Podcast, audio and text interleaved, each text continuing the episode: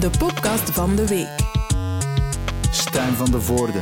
Ik heb dat echt nog pas gedacht. Wat als wij gewoon eens een nummer maken in het Nederlands? Ja, en daarmee zijn we ook begonnen aan deze podcast. Oei, nee, we waren al bezig. Met, Moet je niet eh, zo die een jingle geven en zo? Ja, de jingle die, die, die is gegeven, maar je hebt het gewoon niet gehoord. Ik heb dat niet gehoord. Nee, het was gewoon het was gegeven en, en jij begon te vertellen ten eerste. Je hebt net het, het, het grote verhaal verteld. Equal Idiots gaat vanaf nu verder in het Nederlands. Nee, nee. En daarvoor was je aan het vertellen dus dat er, ehm, dat er eh, een, een tweede album bestaat van Xink, Ja? waar eigenlijk gigantisch goede nummers op staan. En zeg ik echt oprecht. hè? Oprecht. En je was ook voorbeelden aan het geven. Ja?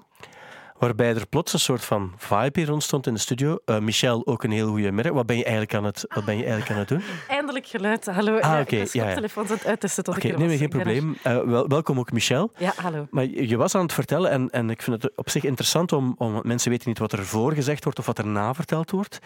Maar ehm, je zei van als Xink opnieuw nog eens één keer eenmalig zou samenkomen, dan zou er veel volk op afkomen, wat ik ook geloof. En het zou ook cool zijn op een soort van next level niveau. Maar moet ik kort kaderen wat Ja. ik aan het zeggen was? Dus deze week zat ik samen met Thomas Valkiers. Dat is eh, de producer eigenlijk. Ook wel soms een beetje het derde lid van Equal Idiots.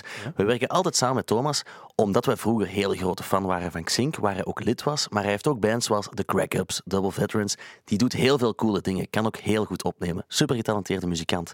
En ik zat daar deze week mee samen op een terrasje. Het was zonnig. En plots zegt hij zoiets van... Goh ja, zo nog eens een keer met Xink. En ik dacht, je bent, je bent met mijn voeten aan het rammelen. Want hij heeft jarenlang gezegd... Ja, nee, en dat is van vroeger. En Jonas, de zanger, die heeft dan in het Sportpaleis gespeeld. Met het Sportpladijs, zo met Studio 100. Ja, ja. En die andere mannen hadden zoiets van... Ja, nee, voor ons hoeft dat niet meer. Ja. En nu zegt hij... Ik zou dat misschien toch eens willen doen. En ik heb tegen hem gezegd... Dit vind ik veel te cool. Ik ga dat misschien eens droppen bij de mensen van Stubru om te zien wat de reacties zijn. Maar het ding is, ik weet, ik heb ooit ehm, op een Stuberi.uit uit Xink aangekondigd in de Vooruit, waar ze toen speelden. En ehm, omdat ik weet, Studio Brussel in die tijd vond ik ook wel cool dat er zo van die kleine mannetjes met, met piekjes en zo, dat die deden wat ze deden op die leeftijd. En wat ik ook wel cool vind, is dat ze het daarna ook gelaten hebben voor wat het was. Net om, omdat ze er niet wilden ehm, ze wilde iets anders doen. Ze wilde niet meer mee geassocieerd worden. Op een bepaald ogenblik snap ik dat ook wel wat. Maar als ze het nu op een coole manier opnieuw zouden doen, daar zou ik helemaal achter staan. Mhm. Dus Zeg maar dat het goed is. voor Michel is het goed. Voor mij is het goed. Misschien moet je gewoon zeggen van, kijk, we hebben nu, ehm, als mensen luisteren nu vandaag op vrijdag, er is Hairfest. Ja, Dat was eigenlijk vrij vlot gegaan. Het zijn eigenlijk allemaal mensen die, die, eh, die naar de podcast luisteren. En als we nu met de podcast zeggen, de volgende stap is Xink, maar we gaan wel voor de Lotto Arena. dat is wel... Ja, sowieso, dat is het doel. Maar we zetten er dingen bij die, die ehm, niet zo... Want dat is het probleem, als ze ergens voor gevraagd worden, is zo in een vedettenparade, denk ik. Dan Ja. zetten ze er dingen bij. Maar we, we, we zorgen voor een coole line-up ook Ja, wel ja, voor de rest. Waarbij zij headlinen sowieso. Maar daarvoor spelen we coole bands die ook iets hebben van... We snappen de vibe die er nu bestaat rond eh, Xink enzovoort. Maar we zorgen er wel voor dat dat, dat, dat, dat, dat een coole avond is. En niet per se Tonja, want die wordt ook altijd Nee, nee, nee. adem maar dat- genoemd. Ja. ik, ik zou echt voor goede bands van nu gaan. Ik denk Ah, ook... ja, ja. als, als Xing speelt, je bent fan dus van de, de bands waar je het vaak over... Je hebt dus ooit een, een aanbod om met Sofia mee te spelen. heb je op Pukkelpop heb je gecanceld Ja. om naar Double Veterans te gaan kijken. Een band waar de mannen van de- deels... Wat Twee, twee leden van Xink speelden daarbij. Ja. Om maar te zeggen, het zou super weird zijn mochten Equal Idiots daar ook niet spelen dan. Ik, ik zou het zo doen. Dus als er mensen aan het luisteren zijn die denken van ik zie hier ook wel een procentje in en ik ga dat allemaal op mij nemen en ik ga dat regelen met die gasten van Xink. Ik wil maar zeggen, wij met Equal Idiots, wij willen ook deel zijn van dit meesterplan. Is goed. We zijn vertrokken, Ja. denk ik. Eh, dus het is ehm, ja, welkom bij de podcast van de week. Moet ik erbij nog eh, vertellen. Voor het eerst terug in de vertrouwde studio. Wat op zich ook wel, eh, ook wel aangenaam is. En nogmaals welkom Thibaut Christiaanse. Hey. En natuurlijk ook Michel Cuvelier. En het is tof dat we met jou kunnen praten over... Je hebt ook een podcast. Dus ik zit niet als concurrentie, Michel, in tegendeel. Ik zie het als, een, als een verrijking van het, eh, van, Van het landschap, ja. En ehm, ik, het ging, ook nog eens over Paul McCartney, Sir Paul McCartney. Eh, een man waar ik persoonlijk ook veel eh, mee heb. Je zit ook in mijn podcast. Absoluut, dat is juist. Ik zit er zelf ook Ah, in. voilà. Ja, ik heb de hele reeks uiteraard zeer aandachtig beluisterd. Mag ik ook zeggen, en dat vind ik ook plezant, want als ik veel wil weten over Paul McCartney, dan kan ik eh, een, boek lezen, kan ik de anthology van de Beatles nog eens bekijken, kan ik zij- de boeken die over hem gaan eh, lezen, wat ik voor een groot deel ook al gedaan heb. Maar mag ik zeggen dat het eigenlijk voor een groot gedeelte ook gaat over fan zijn van Paul McCartney? Ja. En wat dat met een mens doet, meer dan over wie is Paul McCartney en wat zijn voornaamste verwezenlijkingen. Dat is 100% waar. Ik denk dat er ook genoeg andere podcasts bestaan. Er zijn zo twee dudes uit Ierland, denk ik, die ook zo'n Beatle-podcast eh, podcast hebben. Eh, als je echt de facts en de figures en de oh, dat wist ik nog niet momenten Mhm. wilt, dan moet je daar zijn. Maar dit gaat over ja, mu- muziekgevoeligheid, muziekbeleving. Eh, ik heb al heel veel verschillende mensen die er verschillende omschrijvingen aan geven wat het Ja. juist is dat heb gemaakt. Het zit ook nog zo vers in mij dat ik het ook... Ik kan er nog niet helemaal de vinger op leggen wat het was, maar wel dat het veel tijd en energie eh, en Ja. plezier heeft gegeven en dat het over ja, muziek gaat Ja, en mijn, mijn buurman eh, heeft ook geluisterd, want hij is een grote Paul McCartney-fan. En hij had eigenlijk één belangrijke vraag die hij wilde stellen. Eh, mijn buurman is een, een, een beetje van het ruwere type. Ja. En met zijn hart op zijn tong, altijd. En dat vind ik altijd mooi. Ja. Is, dat de, is dat de Club Brugge supporter ook? Nee, nee, de Ah, Club Brugge supporter, ah, dat is ook een heel... Maar, die, ja, die is, maar het is eigenlijk een... Ik, zei- ik noem het een buurman, maar het is eigenlijk een, een schuin overbuur. Hij zei, ja, ja, maar uiteindelijk... eh, Hoe oud is hij? En ik zei van, ja, hij wordt 80 eh, dit jaar. Ja. Ja, maar zou ze hem nog doen? Maar zeg maar.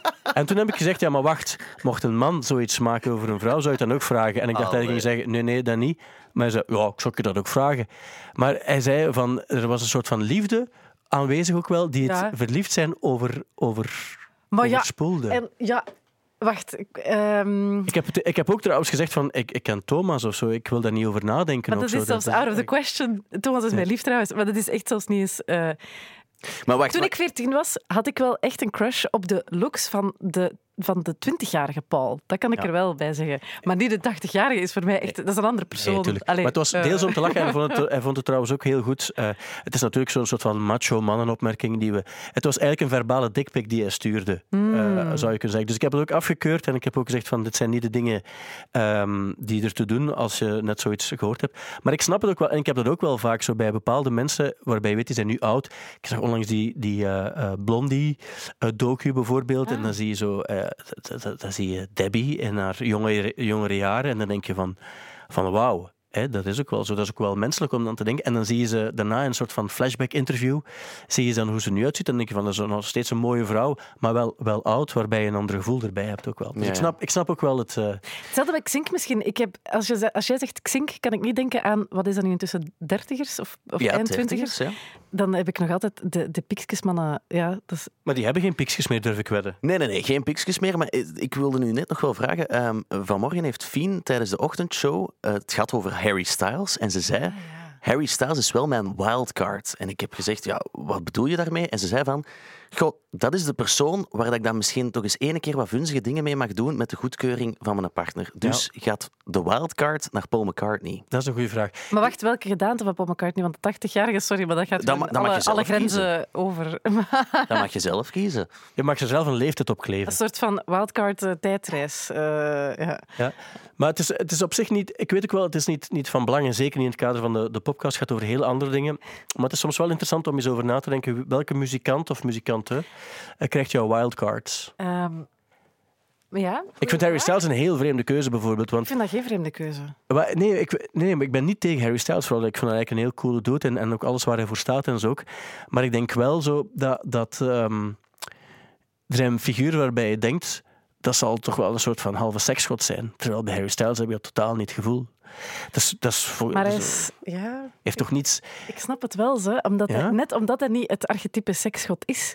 Want hij zit zo wat vloei tussen de genders in ook. Hè, met, zijn, met zijn kleerkast, die, die deelt hij volgens mij met zijn lief. Die heeft een lief, toch? Hè? Ja. Ehm, Maar dat vind ik ook prima. En, maar ik denk ja, dat hij wel zeggen van... Ja, weet wat, we gaan niet zo op elkaar kleven. We gaan elkaar wat kietelen. ik denk dat dat meer zijn met ding. strawberries. Ja. Ja, en, en wat, wat prima is ook, hè. Maar ik denk niet dat je daar... Allee, als... Maar, als dat, maar, dat, Maar het hangt ervan af wat je van een wildcard verwacht. Voilà. is, is goed. eh. Ik ken wel een hele goeie van iemand anders. Dat is eh, Jonas de Kleer. Die Ja. noemde het trouwens Sexception in plaats van Wildcard. Ik Denk potato Ja. potato. Maar bij hem was dat Lian La Havas. Ah, ja. Nou ja, dat zou ik ook niet doen. Maar, allee, dat is toch... Nee, maar ik vind het is een mooie vrouw. Maar Ja. voor- er is een verschil tussen iemand zeggen van dat is een stijlvolle, mooie vrouw, absoluut. Maar ik denk ook van, dus van oké, maar ik heb ook mijn akoestische gitaar meegenomen. En eerst gaan we dan. Wie, wie, zou dat, jou- wie zou dat bij jou zijn, Stijn?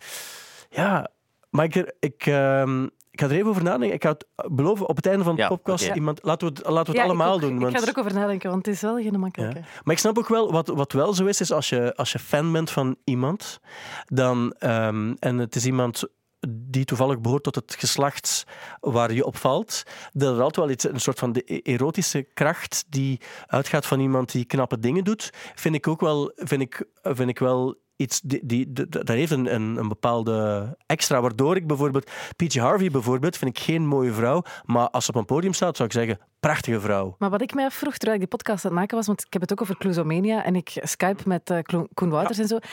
Ik, dat, ik wil bij jullie leggen, het mannelijk geslacht. Eh, het lijkt nu alsof dat zo het, het orgastische gillen en roepen, dat dat echt iets is voor vrouwen die dan fan worden. Maar hoe zit dat bij, bij mannen? Het is meer een gevoel, denk ik. Pas op, ik denk, ik, ik ben nog nooit, ik weet op het ogenblik. Ik, weet je wat ik denk? Mensen die zo gillen en zo, dat gaat niet om, dat gaat niet om muziek. Zo. Dat Nee. zijn de echte fans. Als het gaat, je hebt fans van Koen, bij Koen Wouters, snap ik dat wel. Want die hebben vaak ook, ik weet ook wel dat die binnen een genre goede dingen hebben gemaakt, maar dat is vaak ook formulemuziek. Mensen gillen omdat ze Koen Wouters zien. En het gaat niet echt over, over ik denk wel, als je, als je ergens binnenstapt, en dan maakt het niet uit of het nu over mannen of vrouwen gaat, maar er staat iemand te performen op een onwaarschijnlijke manier, dat je zo een soort van, zo dat je, ik heb dan geen zin om te gaan gillen. Zo. Dat gaat het niet, dat gaat, volgens mij gaat het, niet over de echte grote muzikale fans. Ik hoorde degenen die ook buiten stonden. eh, aan, u, bent, u bent dan naar, naar die boekvoorstelling geweest, ik, zo de Q&A. En ik denk ook de mensen die daar ook, ook stonden, ik denk ook dat, dat dat vaak ook wel mensen zijn die, die, die, die het niet doen, die niet noodzakelijk alles van de muziek kennen of de soloperiode, maar meer zo het icoon zo zien. En dat is prima ook, hè, maar ik denk niet dat je als muziekliefhebber de noodzaak voelt om te gaan gillen als je iemand ziet, maar dat van binnen wel kan aanvoelen alsof je aan het gillen bent. Ja, en dan zijn mannen misschien net iets meer low profile. Toch? Ja, Want ik, ja. er zijn zoveel voorbeelden van de, de grieten op de eerste rij bij Harry Styles, eh, bij BTS nu toch ook, enzovoort enzovoort. Maar ik zie het omgekeerde met, met Taylor Swift niet gebeuren, dat er daar een hele zaal eh, mannen staat te roepen. Maar ik vind het wel mooi, want je hebt dat wel nodig. Maar bij Taylor Swift ga je vooral, als die opkomt, hoor je heel veel vrouwen Ja, gillen wel, ook. het zijn altijd ja. de vrouwen die gillen. Ja. Maar ik denk dat, ja, dat er misschien een soort van ding is dat er nog wat uit moet gaan. Ik bedoel dat niet als een soort van... Dat is, dat is toch een soort van stereotypering Ja, wel. die je vaak nog ziet. En, en ik vind dat ook wel zonde, want ik vind niet dat vrouwen op concerten zich daarmee cooler maken. Nee, eh, wel. ik- Nee, maar, maar ik, dat is waar, ik ervaar dat ook zo. ik zou, mocht, Ja. mocht ik een vrouw zijn, zou ik het niet leuk vinden dat er mensen zo reageren. Omdat ik denk van, ja, maar nu gaat het over... Ja, over wat gaat het dan eigenlijk, hè? Maar ik vind het wel cool dat je hardcore fan bent. Ik ben dat ook, hè. T-Boy is dat ook en jij bent dat ook. En Mhm. ik denk dat dat, dat dat bij iedereen zich op een andere manier manifesteert. We hebben, we hebben ooit ehm, iets gedaan dat eigenlijk de, de- te ver ging.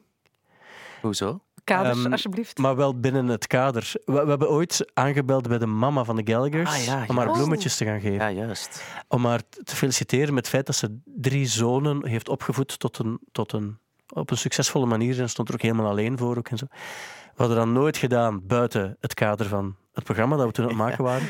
En ik weet wel, als ik daar stond en we belden aan dat we allebei hoopten dat ze niet ging, op, niet Ja, ging openen. Ik had, ik had heel, veel, ja. heel veel stress toen. Ja, maar we hebben die ook. roos, we hebben die bloemen wel in de briefbus gepropt. Ja. En als ik me niet vergis, was het ook het ding van als ze open doet, dan ga ik een handtekening vragen. Is dat zo, handtekening? Ja, je hebt dat toen gezegd. En dan ging je die handtekening Tatoeëren. laten tatoeëren. Dat was het juist. Dat was het Ja. ding. Ik zou het nog gedaan hebben ook. Maar het was meer... dat- Het was binnen... Maar dan... Ik snap het, een mild problematisch gevoel als je daar staat van oei, oei, ben ik hier nu niet eigenlijk... eh, Ja, en ook en die ma heeft er ook niets mee te maken en zo natuurlijk. En het is ook een uitvergroting, want dat is het ding ook. Hè, want we vinden heel veel dingen van nu ook goed, maar je hebt altijd iets wat je op die leeftijd leert kennen, waar ook het hele Sweet 16 ding om draait. En, en waar bij, heel veel, veel- bij heel veel mensen ook zo is. Die muziek die je op je 14, 15, 16 leert kennen, die betekent zo altijd net iets meer. Ja, die hou je bij. Ik had gisteren iemand die me belde, een journalist. eh, en, en be- betekent Paul McCartney dan nog altijd zoveel voor jou? Ja, het antwoord is uiteraard ja. Dat is zo met die eerste muzikale passies. Houdt die er voor altijd bij. Wat Joost ook vertelde is, en ik weet ook dat het waar is bij Joost, als Paul McCartney een plaat uitkomt, kan ik daar een jaar plezier van hebben. Ja. Mm. Dat is misschien een beetje overdreven, maar ik weet wel, toen de laatste plaat van Paul McCartney uitkwam,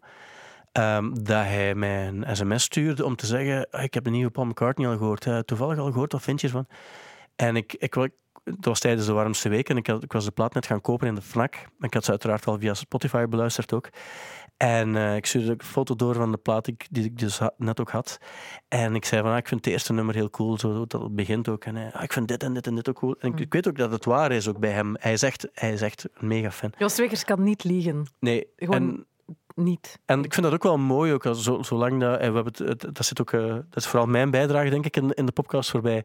Dat je weet ook van, we overdrijven het allemaal eens, maar uiteindelijk wil je een soort van redelijkheid. Je wil, je wil ook geen, je wil geen debiel zijn, maar je mag wel keihard fan zijn van iets. Zo. Dat, dat vind ik, ik vind dat wel heel mooi. Dat je, vroeger deden we dat wel op een andere manier, denk ik. In de jaren negentig, Ja? dan kochten we alles van die bands. Ik heb zo al die... Ik heb nog promo's besteld via Duitse sites. En ik kocht alle singles ook van de, de bands die uitkwamen, die ik echt goed vond. Nu, nu doe je dat niet meer. Nu, dus ik vraag me af, hoe doe je dat nu dan? Ik denk eh, online, zoals met alles. Eh, Maar je, samen troepen in communities. Ik had gisteren iemand in fanclub aan de lijn die een soort van eh, een Swiftie, een Taylor Swift fan, die dan met, samen met andere fans van over heel de planeet een hurdle speelt, het introspel elke dag. Ik denk dat je heel veel privéberichtjes stuurt naar die artiest, want die zijn eigenlijk bereikbaarder dan ooit.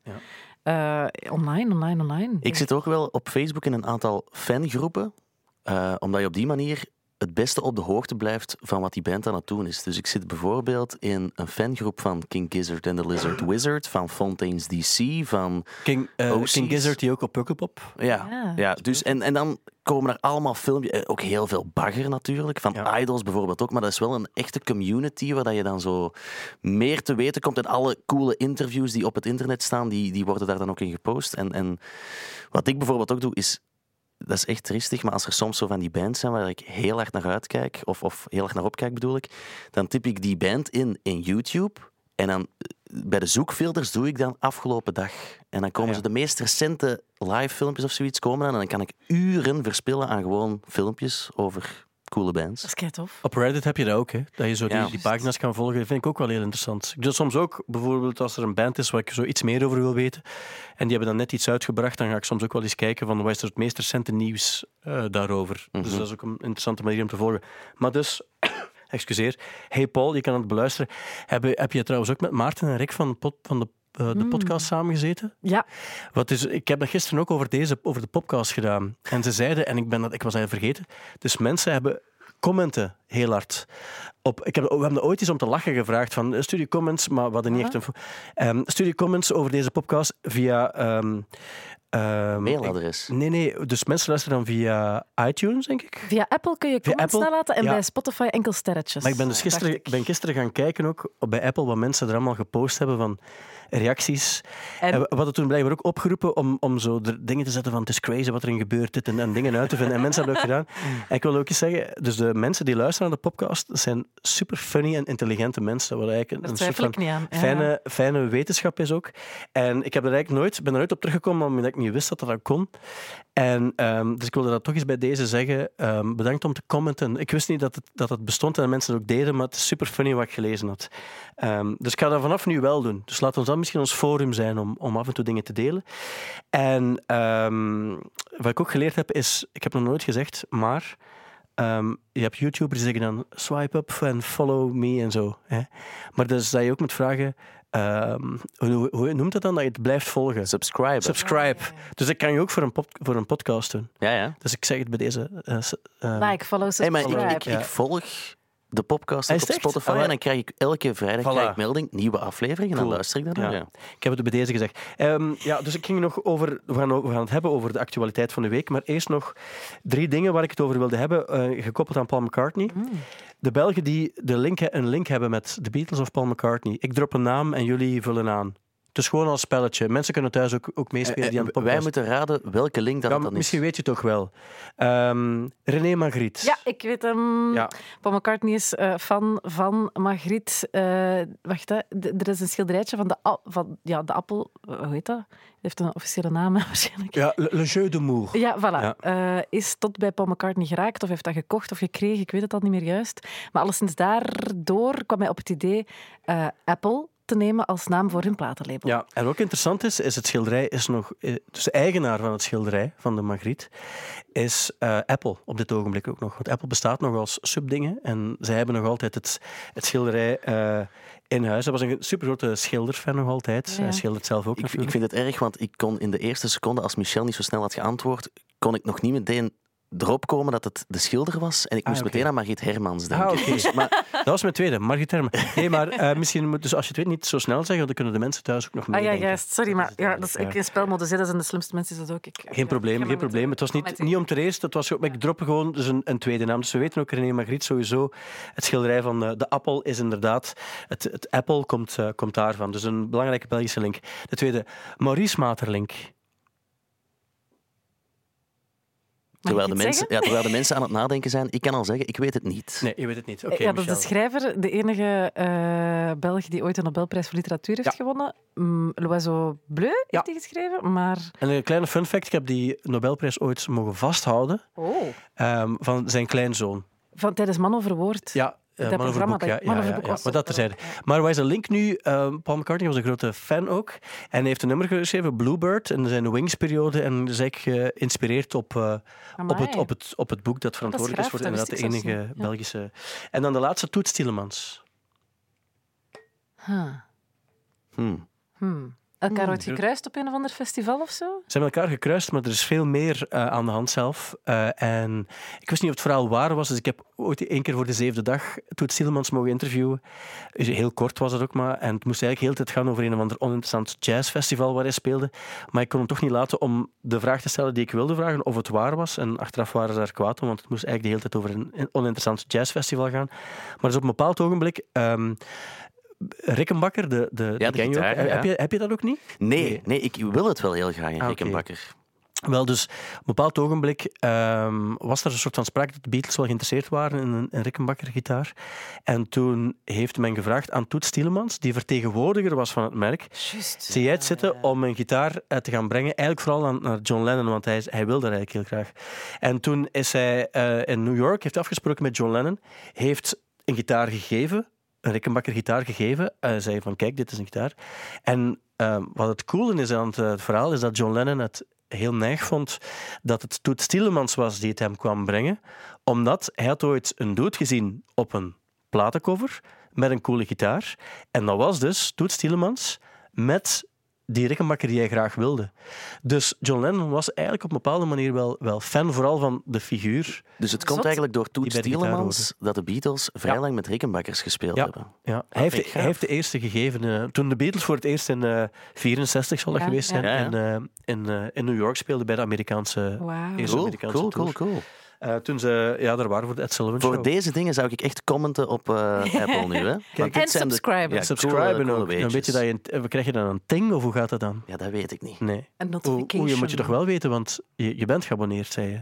Ja, maar op Spotify. En daar krijg je dus Ah, geen comments. Enkel op Apple Music, Ja, als ik het goed Ah, heb. oké. ja. Ja, dat is niet zo belangrijk. Eh, maar alleszins, het is mooi. Ik kan ook zelfs... uit- dus, ehm, ik heb je probeert altijd dingen door te geven. En ik probeer bijvoorbeeld ook muziek niet te veel op te dringen, maar af en toe dingen te laten horen. En naar aanleiding van de podcast vroeg ik ook aan mijn dochter, die 15 is...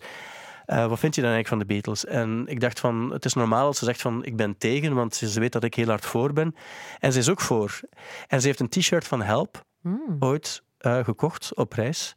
En ik dacht ook van, ah, het is wel cool, want eh, eh, ze, is wel mee. En ze heeft ook voor, voor school heeft ze een, een werk moeten maken over de Beatles. Ze mochten een nummer kiezen en dan moest ze het verhaal over de Beatles ook, ook vertellen. En ze heeft toen voor Blackbird gekozen. Het was een groepswerk blijkbaar. En ik dacht op een bepaald ogenblik, gisteren nog, van het is cool, ze heeft toch ergens wel een bepaalde, zijn dingen die ik nooit zou opzetten en van die Hollandse rap. Waarbij ik denk van, ja, je hebt zo Hollandse rap die goed gemaakt is, maar heel veel die slecht gemaakt is. Ik dacht van, ja, oké, is wat. Maar ik dacht van, ze heeft toch een goede smaak ook. En ehm, dan ging ik gisteren gaan slapen. En ik zag dat er in het, in het zo, een kastje, dat er een, een deo stond, Ja. nieuw. En die deo, die had, het was van Axe, wat een, een, ah, dat is eigenlijk zo'n soort van wc-verstuiver als deo. Maar ik vind dat verschrikkelijke geur. Ik gebruik ook wel Axe. Is dat? Ja, ik zou, alleszins, ik vind dat heel hard ruikt naar, naar een, een geur die ik niet altijd zou kiezen. Maar je hebt verschillende geuren daarin. Dus misschien heb je ook wel goede geuren ook. In mijn, tijd, in mijn tijd had je één of twee Febreze-achtige Axe-verstuivers. maar nu had zij een soort van rock and roll eh Axe. En de geur was, en ik heb, het, ik heb er foto's van zitten nemen, ben beginnen opzoeken of het echt was wat ik was. De geur was cookies en leather. en toen dacht ik van, hoe kan het dat er ooit iemand op een vergadering van Axe zei van oké, gasten, we hebben eh, iets nieuws nodig. Het mag maar ook een roll sfeer uitstralen. Ook zacht gaan- tegelijkertijd. maar je Ja. moet het zien. Dus er staat ook die, die cover van die, van die bus. Dat is leder. Ja, je kan het opzoeken. Dat is ga het leder. opzoeken. En dan zie je daar zo van die American cookies bij. Maar wie heeft er ooit die combinatie van die geuren ontdekt als een, als een, als een geur? Als een bestaande geur? Heb je hem gevonden? Ja, leather and Dat cookies. is toch niet te En je geloven? ziet zo'n chocolate chip cookie. Op een, op een lederen met, vest. met dan een rits van een leren jas. En toen dacht ik van, als dit verkocht wordt als dit is er ook een rol, dan moeten we beginnen opletten. Mo- Moet dit eens tonen aan Michel misschien? Ja, wacht, wacht. Ik heb een promofoto gevonden. Ehm, dus echt zo'n reclamefoto, waarin ze dus een aantal van die busjes naast elkaar zetten. En eh, wacht, even zo. En dan zie je dus ook Eens kijken. een leren jas Ja. met dan de flesjes Axe wat? en dan wat van die koeken Dat is ernaast. toch gewoon Maar dat is hetgeen... advertentiegewijs super raar. Ik weet wel, in mijn tijd hadden ze ook ehm Axe Chocolate. Dus gewoon chocoladegeur. En Ah, dat was toen echt zo, dat, dat ging rond. Dat was echt, wow, what the fuck, jij hebt- de chocolate of wat? Wow. En dat was echt belachelijk vies. Nee, maar er moet toch ooit iemand effectief gezegd hebben: het is goed, dat, dat is de geur die we gaan dat uittesten, we gaan ervoor gaan. Leder en, en. Ik heb nog nooit iets leder gedragen, waar als mensen dat wel doen, geen enkel probleem. Maar dat je dan denkt van. ehm, ik ga er ook wat koeken in mijn zak stoppen, want dan heb je toch die geur erbij.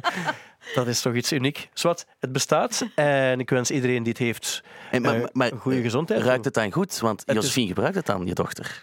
Ja, ja, dus ja, ik denk. Ik vind het wel, eh, eh, mag ik zeggen, mannelijk?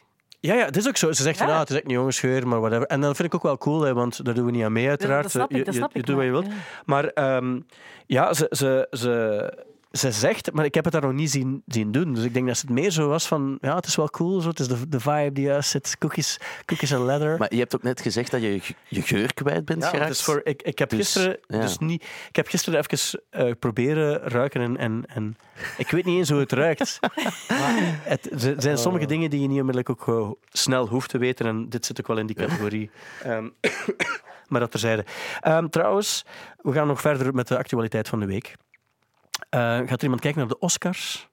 Niet live. Nee. Nee, ik weet wel, maandagochtend is er natuurlijk een nieuwe ochtendshow. En dan nemen we dat meestal wel mee. Vorig jaar hebben wij dat ook gedaan. zwaar. En dan gebeuren wel dingen. En ik weet dat Beyoncé na lang nog eens gaat optreden. En Billie Eilish ook. Dus dat gaan we sowieso wel bekijken en beluisteren. Maandagochtend. En de meest memorabele momenten zullen we tot ons komen Ja. in, in onze feed. Dat is het voordeel. Ik heb Ja. eens één keer de Oscars live gezien en dat is eigenlijk ja, dat is een, een experience wel om het eens één keer te doen, maar het is zoals een Super Bowl. Eigenlijk gebeurt daar niet zo heel veel in. Maar wat wel zo is, is ehm, je zei het ook net, Billie Eilish gaat samen met haar broer het bandteam song. Hmm. Dus dat, dat gaat goed zijn. Hij gaat, gaat er ook goed uitzien, gaat cool zijn, denk ik wel. Ja, wel, want ik wil daar wel aan toevoegen. Dat is ook Billie Eilish in films. Je hebt zo die film, eh, Disney-film Turning Red. Ja, ja. Dat is de nieuwe Pixar-film. Ja. Vind ik eigenlijk. Ik vond het eigenlijk wel een hele aangename film. Ik heb die niet gezien. Ik heb die bekeken toen ik in quarantaine zat. Maar het ding is, die film speelt zich af in de jaren negentig. En er komt ook een soort van boysband in voor. Een soort van ja, Get Ready, Backstreet Boys-achtig iets. En die hebben dan ook een liedje. En dat is mijn liedje. Kijk, ik heb logopedie gevolgd van Bernadette Timmermans. Bedankt, Bernadette.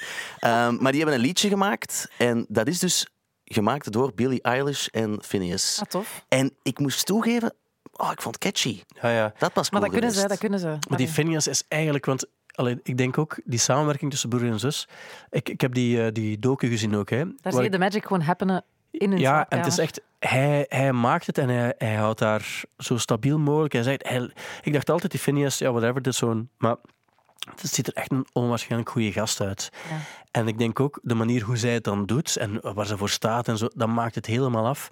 Maar hij is wel echt zo het muzikale brein die, die al die dingen maakt. Maar het is die, hij heeft haar nodig en zij heeft hem nodig. En omdat het broer en zus zijn, dan, dan verwacht je ook het, het beste daarvan. Het is een andere vibe als bij andere broers bijvoorbeeld, die niet altijd goed overeenkomen. Maar ik denk wel bij hen ja, dat dat op zich wel een soort van magische match is.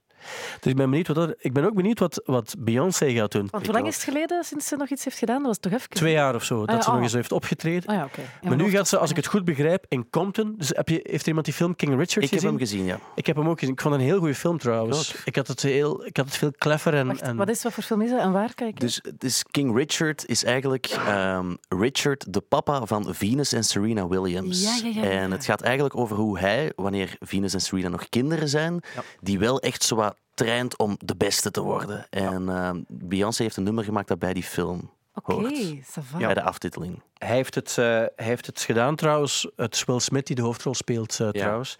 En ehm, ja, ik vond het eigenlijk, omdat het blijkbaar vrij waarheidsgetrouw zal zijn, vind ik het extra straf wel hoe, eh, hoe dat verhaal ook van die Williams. Dus, en zij, woon, eh, zij woonden in Compton.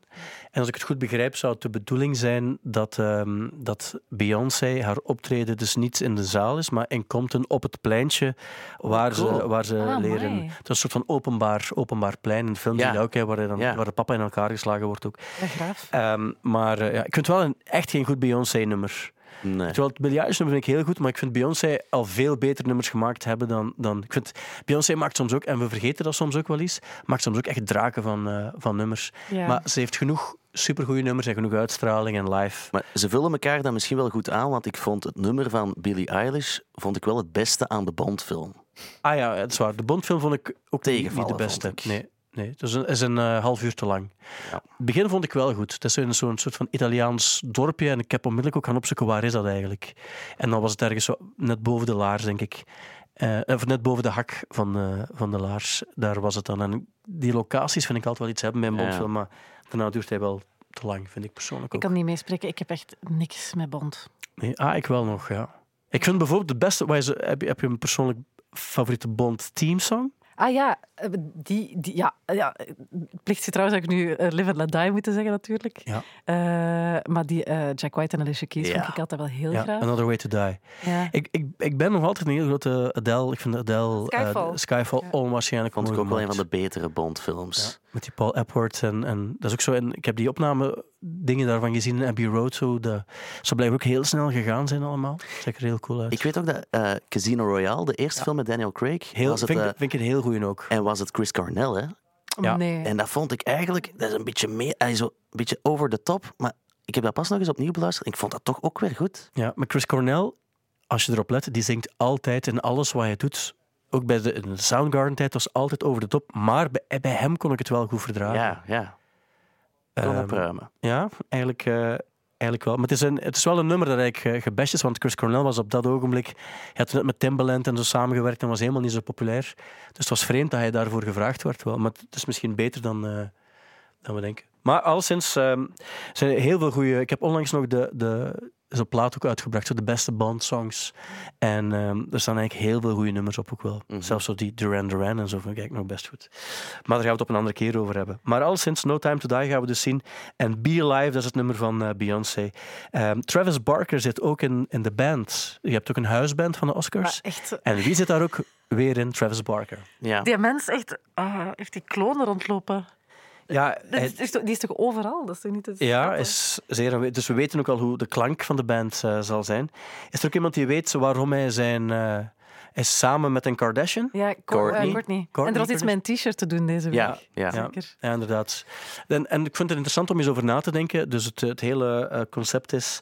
ehm, als je een t-shirt draagt van een band, in dit geval Cannibal Corpse... ja, ja, Ja, ehm, mag je dan een bandshirt dragen van een band die je eigenlijk totaal niet kent? Of die, waar je ook niet naar luistert of waar je niets mee hebt? Maar het is de frontman van Cannibal Corpse dat Ja. gereageerd heeft van ja, hey, Kourtney Kardashian draagt een t-shirt van mijn band. Poser heet Ja, hij. poser. Ja.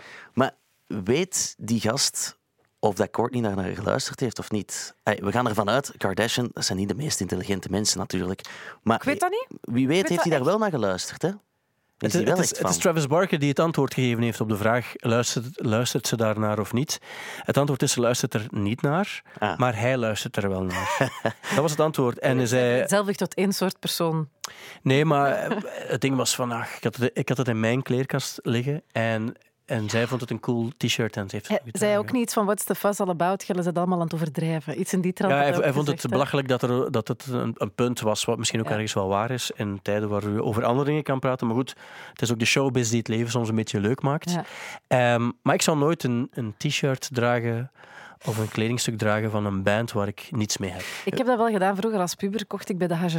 eh, er was een- bepaalde zomer waarin je zo een standaard H&M eh, topje, zwart topje, kon kopen. En daar stond die tong van Rolling Stones op. Ja. Eh, ik, had, ik, ik, ja, ik luisterde niet naar Nee? Rolling Stones, maar ik vond dat heel cool, zoals cookies en leather ehm, ook in de smaak kan vallen.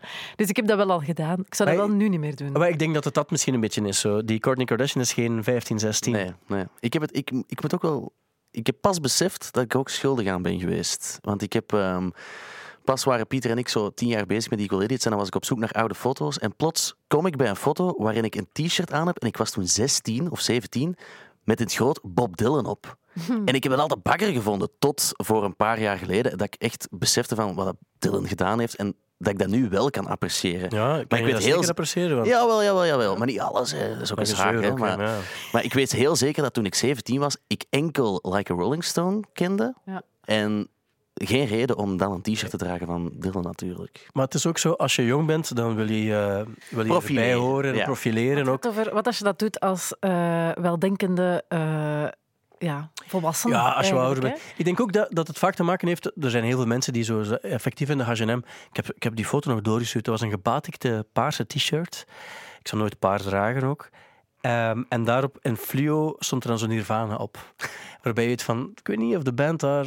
Ik dat ga scoren bij de TikTokkers van nu, zijn, hè? Ah, natuurlijk, maar ik denk ook... Allee, en het is ook niet erg, hè. Het is ook flauw als mensen zich daar echt druk in zouden maken. Maar het is wel zoiets... Als je, voor, als je er voor jezelf over nadenkt, dan zou ik denken, ik zou nu niet... Ik, ik heb het zelfs... oh, Ik wil niet te veel over, maar dus mijn dochter kwam op een bepaald moment thuis, was naar Antwerpen geweest, gaan shoppen. En naar zo'n tweedehandswinkel, want daar is het veel goedkoper. En ze had een trui gekocht. En er stond... ehm, ze zei van, ah, ik heb een trui gekocht. Het was een toffe trui, was, niet, was, was zo'n 15 euro. En dat was een trui. En ik zie onmiddellijk als ze, als ze die uit die zak haalt, zo in het grote W erop staan. Van de, de W van de Wu-Tang Clan. en ik Ah, dacht, goed. ja, maar wacht. Maar dat- ik zeg, ja, dat is, dat is van de Wu-Tang Clan. En ik zag ook dat het echt 90s was. Ja, maar cool toch? Ah, maar ja, ik zei... Ze moet dan ja, ook wel eens Wu-Tang Clan Voilà, luisteren. en ja. ik heb dan ook effectief, ik had ook het voordeel, want om eerlijk te zijn, ik, had, ik heb vroeger wel die, die Enter the 36 Chambers van de Wu-Tang Clan gehad op CD dan, maar ik had die, en ik zit ook bij Vinyl Me Please, dus zo'n abonnement dat je hebt en elke maand stuur je dan een klassieker op. Je Ah, kan dan tof. kiezen, je kan dat bij hip-hop, bij soul, eh, bij country en dan zo classics. En je kan, als je een plaat al hebt, kan je die wisselen met, met een vorige plaat. En dat is altijd mooie uitgave en zo kleuren en zo, iets Amerikaans, wat. En ik had de chance dat echt de maand daarna was de plaat van toen, die Enter the 30 36 Chambers. Ik heb die ook, we hebben ook opgezet en geluisterd. En ze kenden ook wel één nummer daar ook al uit. Maar ehm, ja, het is funny dat hij eigenlijk niet door dat het een, een, een, een trui was. Maar zeker als je het niet door hebt, dan kan je het eigenlijk toch zelfs niet veroordelen. Maar ik zal hem nooit veroordelen. Ah, vooral- nee, maar ik bedoel, het in de casus in het algemeen, Ja. Eh, moeten we, ja, moet, mensen die een t-shirt, een bandshirt dragen van een band dat ze niet kennen, is dat nu zo erg? Eerlijk gezegd, ik vind van niet. Je moet Nee. dragen waar je goed bij voelt. Voilà. Ik heb bijvoorbeeld in het laatste middelbaar eh, was ik was ik zeg was omdat de band ondertussen gestopt is jammer genoeg, maar er is een eh, Belgische hardcore band, eh, Cheap Drugs heette die, en ik had er een t-shirt van gekocht en ehm, het was dus in het groot Cheap Drugs. En daaronder stonden twee ventjes waarvan de ene een pistool tegen het hoofd van de ander houdt. En toen kreeg ik op een katholieke school te horen, hm, Thibaut, cheap drugs, hm, Ja. hm, hm, hm. En dan dacht ik, cool, ik ga hier toch voor gaan, want ik ben fan van die band. En het is misschien een rare t-shirt, maar toch. Ja. En dat vind ik dan wel tof. Ja, absoluut. Maar ik vind ook wel, ik denk dat, dat je ziet dat ook vaak. Hè, zo, er was een tijd geweest dat, eh, ja, dat, zo, dat, je, dat mensen naar de, naar de carré gingen met Slayer-t-shirts bijvoorbeeld. En dat was het hele ding toen ook van, ja, degenen die dan fan zijn, die hebben het gevoel van, ja, maar wacht, ik word hier nu geassocieerd met een voetballer. Je had dan bijvoorbeeld, ik zeg nu maar iets zo, Nainggolan, die dan zo naar de carré ging met een Slayer-t-shirt, omdat het hip was om, om een soort van eh, metal t-shirt te dragen. En dan denk je, ja, maar wacht, ik ben niet één van hen. Dat snap ik dan weer wel vanuit de redenering als fan. fan. Want ik ben Voilà. niet een Cannibal Corpse eh, fan, dus ik voelde mij totaal ook niet aangesproken. Maar ja, inderdaad, dat is misschien wel... Zeg, ja. Maar we- weet wat ik nu ook wel bedenk? Als je echt grote fan bent van een band, doe je daar dan wel t-shirts van aan. Bijvoorbeeld, zou jij een t-shirt aandoen van Oasis? Nee, ik doe dat niet meer. Ik, ik, weet niet of ik... Heb ooit een trui gehad van Oasis, maar je zag eigenlijk niet dat dat... Dat was eigenlijk... ehm, dus het stond er niet op, maar het was... ehm, ik had het als cadeau gekregen ook trouwens. Toen ze in Vorst speelden, dan hadden ze zo van die truien en je had... Oasis stond erop, maar in, in... Ja, hoe moet ik dat zeggen? Het was in relief eigenlijk erop. Het was eigenlijk de stof van de trui zelf, waarin Oasis gemaakt werd. Dus van ver zag je niet dat het van een band was, maar het, het lag er als relief op. Ja, maar zo, Ik, zou, ik vind het moeilijk om dat te doen, omdat, Ja, ja. omdat ik ook denk van... Ik zou dan eerder doen van een, een band bijvoorbeeld, waarbij je weet van... Die is niet zo heel bekend of zo. ja, ja. Ik denk dat... Maar ja, van er is bekende bands is het, ik vind dat zot handig, ehm tote bags. Jullie als mannen, dat is iets moeilijker. Er is geen enkele man die ooit een tote bag heeft Ik heb gedragen. Ja, wel, honderd voilà, ben je- tote bags. Maar heb je ze ooit gedragen? Neem je dan... Dat gedraagt ze niet. Ik Neem kan ze mee dragen. om naar de winkel heb te er, gaan. een, ik heb er nu Ja. een van Goose, echt? denk ik zelfs. Maar ik snap het ook wel, want ik snap ook als vrouw... Vrouwen, allee, ik wil niet te veel, maar Doe maar. a- als vrouw heb je vaak... En ik snap het ook, die, als, wij als mannen stoppen ons zakken altijd vol. Ja, ik vind dat verschrikkelijk Ja, lelijk. ik snap dat ook. En als vrouw draag je makkelijk bijvoorbeeld al eens eh, een kledingstuk dat niet echt dikke zakken heeft, zoals een, een rok. Er of- zit nooit zoiets. niks in mijn zakken. Voilà. Voilà. Dus dan snap ik dat een tote bag of een, of een handtas of zo, dat er, mannen dragen eigenlijk nooit handtassen. Nee, nee. En zo'n tote bag is geknipt. Je, je loopt niet met, in het groot een bandnaam eh, op, je, op je... Zoals die Oasis heel subtiel eh, erop zat, Ja. vind ik een tote bag ook subtiel. Diegenen die de AF herkennen, zullen wel weten dat dat van Arcade Fire is. En dan kun je een gesprekje starten. Maar het, het is niet dat het zodanig in het oog springt, zoals die Cannibal Corpse. Wij, wij verkopen ook tote bags met Equal Idiots, Ja. moet ik En- toegeven. en En we hebben er nog hopen, sales? hopen. Hoe zitten de verkoopprijzen? Als in van meer t-shirts dan tote bags? Of hoe zit het? Weet je, ehm tote bags worden verkocht... ah, dat is niks, hè, dat is gewoon een juttezak eigenlijk. Ja. Dus dat wordt verkocht voor, wat is dat, 5 euro. En er zijn heel veel jonge fans die dan komen kijken naar de merchtafel en dan zien ze een vinylplaat voor 20, 25 euro, een cd voor iets minder dan dat geld, of... Ja, zo'n tote bag, dan vertegenwoordig ik die band wel en moet ik maar 5 euro betalen. Dus er zijn heel veel mensen die, toch met cheap. ja, die dat toch met een tote bag naar huis gaan. Maar zou je, als je, als je iemand ziet en je weet eigenlijk dat hij niet naar, naar jouw muziek luistert of zo, zou je dan zeggen van, ik vind het toch niet erg dat hij een t-shirt van mijn band speelt, eh, draagt? Zo, mag, mag iedereen zomaar een t-shirt van Equal Idiots dragen? In, in ons geval denk ik van wel. Ja. Want wij zijn nog altijd een band die niet wereldbekend is. En dan denk ik, leuk, want dat is op een of andere manier toch promo. Exposure. Dus dat er ieder- iemand rondloopt. Iedereen mag een, mag een, een t-shirt dragen van Equal Idiots. Ja, zo, als Dries van Langenhoven nu een Equal Idiots t-shirt draagt, dan ga ik niet super blij zijn. Nee, Maar er is niks... ni- slecht reclame is ook reclame. zo Mark Overmars bijvoorbeeld. Oh. Oh, nee, nee, nee, nee. nee. Zijn eerste dag Nee, op bij de Antwerp. nee. Ik heb trouwens, iemand stuurde het mij door, eh iets heel funny. ehm dus Dries van Langenhoven heeft blijkbaar deze week, of niet zo heel lang geleden, een filmpje gepost waarbij hij zegt van eh, genoeg van deze, genoeg van deze mietjesmaatschappij. Ja. En dan gaat hij zitten in een soort van, het is mooi weer, buiten in een bad met ijsblokjes, wat eigenlijk een soort van wellness... Fabrizio, Fabrizio, Fabrizio eigenlijk. Ja, dat is eigenlijk een soort van... Maar zijn punt was, terwijl, ja, er zijn, ik, heb, ik heb zo onlangs wandel ik eh, voorbij een, een, eh, een soort van wellness met van die grote open ramen ook. En zaten zo oude mensen in een, in een, in een bad met, met ijsblokjes en dan gaan die daarna iets anders doen ook zo. En ik moest erom lachen op een of andere manier, omdat hij wilde ergens aantonen hoe hardcore hij was, maar hij zat eigenlijk in een soort van wellness. Ja. Maar dat terzijde. Ehm er is zoveel te vertellen over Dries van Langenhoven, maar Zeker in de comments ook. eh, Ja, in de comments. comments, Ja, ja, dat kan er allemaal bij ook. Ehm, ja, dan hebben we ook een nieuw album van Machine Gun Kelly. ja. Ja. Amai, dat weet ik nog van de ochtend, Thibaut. Dat is echt... eh, ja, breek hem de bek niet open over Ik, Machine ga, Gun ik ga wel Kelly. iets moeten zeggen, denk ik. Ehm, Hola. Ik ga niet zeggen dat ik een grote Machine Gun Kelly fan ben geworden, maar ik denk in het afgelopen jaar dat ik heb kunnen begrijpen waarom dit die nu wel heel populair is. Wat een aardsverschuiving, dat zag ik niet Ik heb een soort van, ja, hier op Stubru wordt ermee gelachen, maar iemand heeft het ooit een dossier genoemd. Ik vond dat alsof het grote klasseurs waren die op elkaar gestapeld worden. Eh, maar ik heb zo een, een ding uitgewerkt van hoe komt het dat poppunk nu zo terug hip is. En ik heb dan heel veel artikels gelezen en Machine Gun Kelly is wel echt het goede voorbeeld als het gaat over die nostalgische feel van begin jaren 2000 die Blink en zo gaf, om dat op een moderne manier met hip-hop invloeden, want het is dan ook een verknipte rapper, om dat op een goede manier te doen. Ik hoor er wel nul rap nog in. N- Ja, maar nieuwe materiaal is echt zo met van die trap Echt? beaches en Amai. ja, Lil Wayne doet ook mee op een nummer, afschuwelijk natuurlijk, maar die dingen die je met Travis Barker doet, en dat gaat voor, eh, voornamelijk zijn verdiensten zijn, zijn wel op een manier gedaan waardoor ik snap dat jonge mensen die 16, 17 zijn, dat nu zo geweldig vinden. Nou, ik snap het ook op een manier zoals ik snap ook dat mensen vuurwerk goed vinden. Maar dus, ik meen het echt, ik zeg het niet, niet om te lachen. Het is, het is exact dat, het is instapmuziek. Waarbij je weet van, eh, als je dan de Ja. formule gehoord hebt, dan, dan ben je klaar om, om Alles, daarna... alles lijkt op elkaar. Hè? Toegangspoort, Machine Gun Kelly, om dan Ja, verder te maar ik kan er gewoon niet zo over dragen. Als, dat, is, dat is net zoals bij het hele verhaal van... eh, van, hoe heet ze daar, de Italiaanse band, Måneskin. Ah, ja. Dat als mensen zeggen, dat zijn dan de redders van, van de rock and roll of in dit geval de, dan denk ik van, ja, dat is gewoon... Dat is, dat is waar, als je, als je niets met muziek hebt, dan is dat plezant dat dat bestaat. Mhm. De titel is iets, van, iets met sell-out of zo, denk ik. Mainstream sellout. Mainstream sell-out. En dan denk ik van, ja, dat is fair. Dat is op zich wel fair. om Ja, omdat hij nu gewoon van iedereen te horen krijgt van ja, je bent op de poppunk gesprongen omdat dat dan weer hip is. Ja. En iedereen zegt ook van ja, wat gaat het volgende zijn? Als reggae volgend jaar in is, dan gaat hij dat misschien ook wel doen. Ja, Ah, Snoop Lion krijgen we misschien... eh, Ja. Maar ik denk ook wel dat, Lion. ik vind het ergens ook wel weer cool dat hij dat dan toch zo benoemt en zijn album dan zo noemt. Ja, maar het is zo te, ja, ik vind het soms iets te, iets te doordacht om het dan ook zo te noemen. Tuurlijk, Maar tuurlijk. het is wat.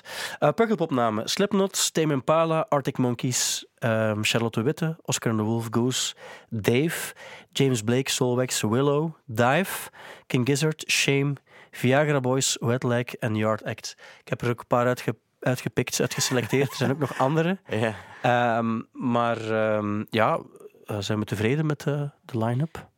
Ja. ja. Al moet ik wel zeggen dat ik zo wel dacht dat er zo nog een klepper van een, van een headliner ging zijn. Ja. Want Tame Impala was in 2019 de laatste echte Pukkelpop. Stonden ze daar ook. Ja. Toen was hun album nog net niet uit, maar nu wel. En nu lijkt het zo van, ja, die zijn... Ah ja, dat is niet Het is een soort herkansing of zo. Ja, Ja. niet super brand new. Of, of- Maar wel altijd fijn, of zo? Tuurlijk, ik ben een grote Ehm, fan ook. Ja, het is Ja. wel een grote naam eh, sowieso wel. Hè. Maar het is sowieso bij Pukkelpop, het is een heel ander festival als Werchter bijvoorbeeld. Bij Werchter heb je bijna van de eerste tot de laatste grote namen. En hoewel ze nu ook meer in de tent met de ontdekking en zo eh, bezig zijn wel, maar bij Pukkelpop denk je altijd van ja, wij, zo weinig grote namen. En dan ga je kijken en dan zie je daarna wel zo de kleinere ontdekkingen en zo staan. En dat is ook wel tof. Dat ze, Maar ik ging door de namen en ik zag dan plots helemaal onderaan ergens Dive, Wet Leg, Ja, Viagra ja. Boys. En dan dacht ik, cool, cool, cool. Wil ik, daarvoor wil ik wel naar Pukkelpop gaan. Ja. Maar dat is toch altijd eigenlijk al zo geweest. Ik ben eigenlijk niet per se teleurgesteld, ook niet eh, raving eh, enthousiast, wel voor Arctic Monkeys, dat wel. En het viel mij wel ook gewoon op, heel jong, hè. Allee, ja, absoluut. Slipknot na, denk ik, zijn het allemaal echt, echt frisse, Ja. relatief frisse namen. Dus dat is, Ja. I'm happy. Oké, dat is goed. Als jullie tevreden zijn, ik Ja. ook. Mhm. Ehm, dat sowieso. Wat, nee, wat dacht jij? Nee, ik had het, maar het, is, het ging bij mij meer over een reflex die ik heb. Ehm, en ik denk heel veel mensen, je wil zoveel mogelijk, zo groot mogelijke, verrassende, gigantische namen. En dan besef ik ook van, ah, maar bij Pukkelpop heb je dat niet echt op een aantal namen na, en zoals dan bijvoorbeeld die Arctic Monkeys. Maar dan ga je effectief gaan kijken en dan denk je, allemaal wacht zo. Want ik weet bijvoorbeeld, de sfeer bij een Tame Impala is eigenlijk nooit goed. Bij Let It Happen wel, maar dat is ook zo. Tame Impala was ook wel vorige keer in de regen, Ja, maar ik vond dat qua sfeer was er eigenlijk was er een Maar Tame bummer. Impala 2015, toen Currents uit was, dat was iets. Ja, ja, Dat maar, was zot. En ik Nee, weet ook, examens, ja. ik weet in, de, in die periode, ja. Maar ook, eh, en in de, ik weet ook bijvoorbeeld, dat vond ik ook heel vreemd toen men ook eens eh, op Werchter naar Tame Impala in de tent gaan kijken. En dan begonnen ze met, met een lange versie van Let It Happen, onmiddellijk met vuurwerk. En daarna stortte heel dat concert in. Ah, zo. ja. Dus dat is het probleem een beetje bij Tame Impala, dat te weinig mensen kennen, kennen veel nummers van Tame Impala, denk ik. Ja, ik Als heb- headliner toch? Ik heb ooit Tame Impala nog gezien om vier uur 's middags op een, ah, shit, een festival in Luxemburg. Ja. Doe maar, hoe heet het niet meer? Rockefield. Rockefield. En dat was eh, met een tweede album, was toen al wel uit. En toen sloten die af met uh, Half Full Glass of Wine, wat voor echte Tame Impala-kenners zowel e- een van de OG-nummers is. Ja. En er was toen overal modder en ik weet nog dat mijn schoenen uitgingen omdat die bleven steken in de modder. En het was gewoon vier uur 's middags. En het, nu is dat ondenkbaar. En Ja. ik moet altijd wel terugdenken aan die momenten. En dat gaat nooit nog zo goed zijn. Maar dat is bij veel bands zo. Maar misschien is dat net het toffe ook aan deze affiche, is dat je, als je weet dat je zo naar een Willow gaat kijken bijvoorbeeld, of je gaat naar King Gizzard, dat je weet dat die concerten net een grotere impact gaan hebben dan diegene die voor de mainstage. Zwaar. Is het voorbeeld dat ik er altijd bij... Kraftwerk stond daar ooit op Pukkelpop. En ons op voorhand ook van, wauw, Kraftwerk, legends en zo. En al diegenen die dat zeiden, die gingen niet gaan kijken, want ze wisten van, ja, echt leven gaat daar niet zijn. Ja. Er was super weinig volk. Of, of bij Stone Roses bijvoorbeeld ook. was wauw, Stone Roses. En dan natuurlijk in de muziekkringen ging het dan ook van, wauw, Stone Roses. Terwijl nu Maar- gaan wij babbelen deze zomer. De eerste keer dat wij met z'n allen waarschijnlijk Willow live gaan zien, dat gaat, dat gaat Ah ja, wa- waarschijnlijk zo. En dat is, het, dat is ook het goede en ook de, de, de meerwaarde aan zo'n festivals, uiteraard. Ehm, Elton John, 75 jaar Elton John. Als je nu luistert en het is vrijdag omdat je een notification hebt gekregen, een ping of wat dan ook, ehm, dan ehm, ja, is het gelukkig Elton John dag. 75 jaar, dus we zijn op dit ogenblik ook, als je dus luistert rond een uur of tien of zo, kan je ook luisteren naar de tijdloze online. Dan eh, hoor je dat we dus 75 nummers naar elkaar spelen. Hebben jullie iets met Elton John? Eh, Ik moet toegeven, niet superveel. Nee. Nee, geef ik heel eerlijk toe. Ik ook Ik vind dat goed, maar ik ken enkel zo de classics. Moet Ja. ik Bij mij is zeggen. hetzelfde. En wacht, hè. de, zo de Goodbye Yellow Brick Road is wel later tot mij gekomen. eh, sinds ik voor Studio Brussel werk eigenlijk. Daarvoor was het de stilstanding enzovoort enzovoort. Mhm. Die film ook wel gezien. Eh, Ja. Ik apprecieer hem als entiteit in de scene. Maar daar houdt het dan ook wel bij. Bij mij is het ook wel zo wat gekomen. Heeft hij niet zo de soundtrack van The Lion King gedaan? Of zo? Och, ja, tuurlijk. Ja, ja, in de jaren 90. Dat is ja. ook het probleem eigenlijk. En hij heeft ook kritiek op Beyoncé gehad, die, die ook haar versie van. Ja, ja, Lion King ja, heeft ja. gedaan. En hij zei van, dat was maar, crap. Dat, dat is het, maar dat is het, ik snap 100% wat je zegt, maar dat is het probleem, vind ik ook wel wel, dat, dat mensen, vooral die jaren 90, Ken in the Wind en, enzovoort kennen, hoewel er eigenlijk ook een nummer van Yellow Brick Road is. Maar, ehm, en daardoor vergeten wat hij in de, in de jaren 70 heeft gedaan. Want in de jaren 70, Elton John was, was onwaarschijnlijk. Hij was echt een, een mega coole dude en supergoeie nummers ook gemaakt. En die kleffe shit en zo, dat is eigenlijk pas vanaf de jaren 90 Ja, gekomen. ik, ik wil niet zeggen dat ik de clever shit eh, supergoed vind, maar bij mij is het wel The Lion King geweest, denk ik. En dan vooral die dingen die, die hij de afgelopen jaren gedaan heeft. Zo bijvoorbeeld eh, eh, de Oscars met Eminem daar. Ja. Ehm, Die Stan-versie. ja, Ja. dat vond, of was dat Grammys of Oscars, ik weet het niet. Dat vond ik bangelijk. En zo die dingen met Kanye West heb ik dan ook zo wel wat gevolgd. Wacht, wat heeft hij met Kanye West gedaan? Zo All of the Lights. All of the Lights erin zit hij ook. Ja, eh, zit hij in. Ja. Nee. Maar het is cool ook wat je, wat je, ehm, wat je weet, als je, als je eens kijkt waar hij allemaal aan, aan meegewerkt heeft. hè. Je hebt zo die All of the Lights, maar je hebt bijvoorbeeld op een bepaald ogenblik werd er aan Eminem ook gevraagd wil je een, eh, een eh, postuum dan ook weer een, een, een nummer remixen van Tupac. En heeft dat ook gedaan en heeft dan ook een, een Elton John, een belangrijk Elton John sample eh, gebruikt en dan nummers op één geraakt in de UK. Dankzij die sample eigenlijk, want, want wat ze gekregen hadden van Tupac was niet het meest verfijnde werk van Tupac.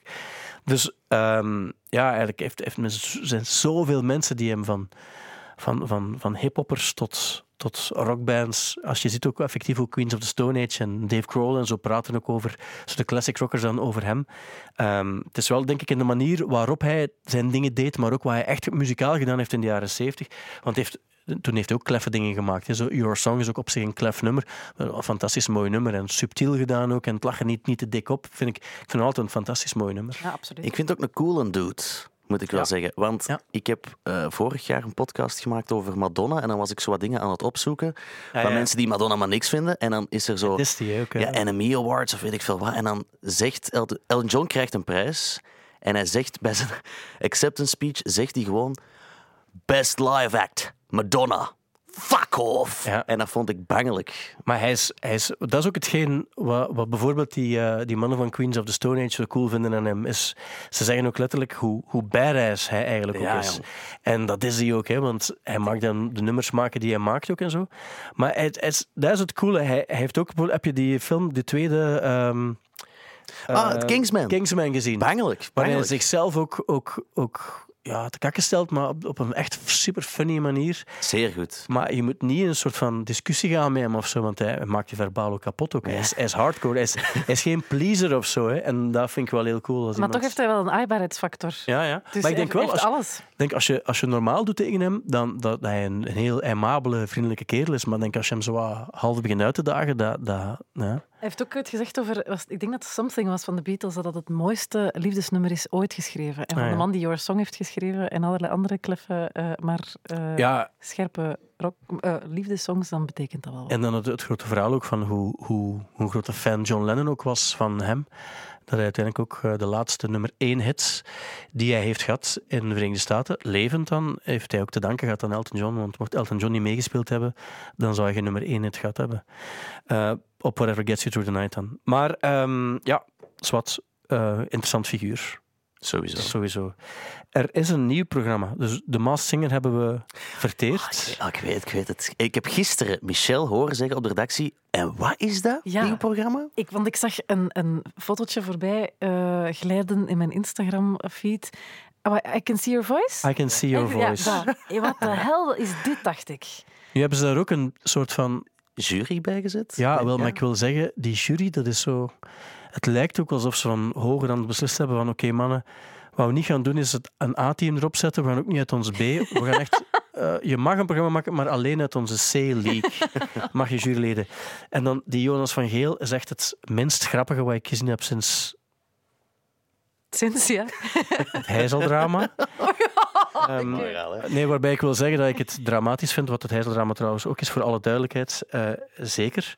Maar nee, ik vind het, ik vind het niet te geloven. Zo, dat, dat is, ik, ik zag die fragmenten ook, los van het feit van wat het is, maar die jury ook, wie zit daar ook in? Wie, wie zit er in de Eh jury? dingen Vincent Virus zit erin. Ja, Jonas van Geel, die Kamal zit daar ook bij, Kurt Rogiers ook, en zo, ook allemaal mensen die niets met muziek hebben. Ik heb het gisteren nog gezegd tegen mijn lief. Kurt Rogiers is echt een soort van OG aan het worden van de minder goede programma's waar daar toch miljoenen mensen naar kijken. Ja, die heeft ook zo met knikkers... Marble, Marble Mania? Marble Heb je dat Mania, al eens gezien? Ja, ik heb dat een Lego Masters, Niet te eh, geloven. K2 zoekt K3, is allemaal Kurt Rogiers. En ik moet vaak lachen, omdat hij dingen doet die je zelf niet grappig bedoelt, maar toch grappig overkomt. Maar het is wel een heel vriendelijke kerel, vooral Zeker, eigenlijk. Ik ben niet zeker, tegen... Maar ja, ik denk ook van, dat kan nu toch niet, dat, dat je zo'n programma...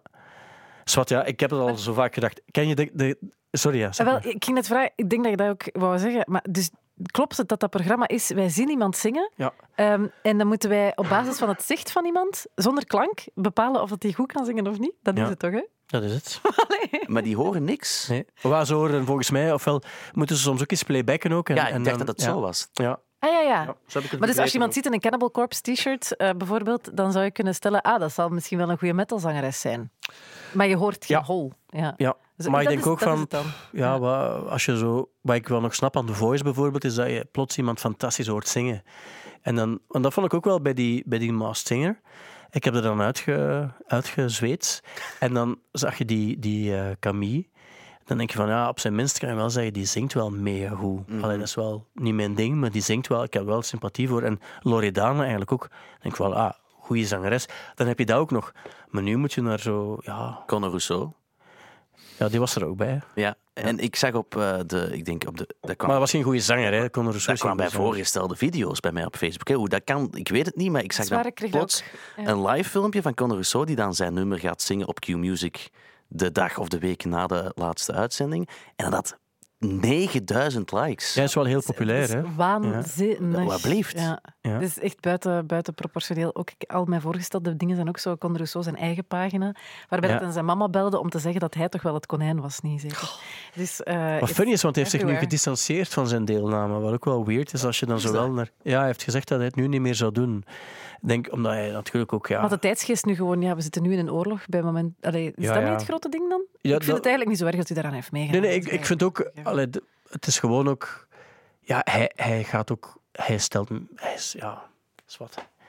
Zeg het, Stijn, Ja, doe zeg het. Hij wil graag showbiz zijn ook, hè. en, en hij wil dat. politiek ook showbiz maken, wat het natuurlijk niet is. En dan vraag ik me soms ook af van, wat heb ik dan liefst? Heb je zo graag iemand saai, die, die is een soort van... Zo'n Wouter Beek, hè, waarbij je denkt van... Ah, waarbij je misschien soms ook vals denkt van, als hij het zegt, dat is iemand ernstig, dat is altijd wel, daar kan je ook serieus aan misleiden. Het is niet omdat iemand niet ernstig doet altijd, dat, dat hij ook altijd... Er zijn zoveel betrouwbare figuren op het eerste zicht die ons ook gewoon gescharreld hebben ook wel. Dus Ik denk- zag uh, on a serious note een tweet voorbij passeren. ik was ook serieus trouwens. ja, ja eh. ik, weet, ik weet het, maar het is... Ja.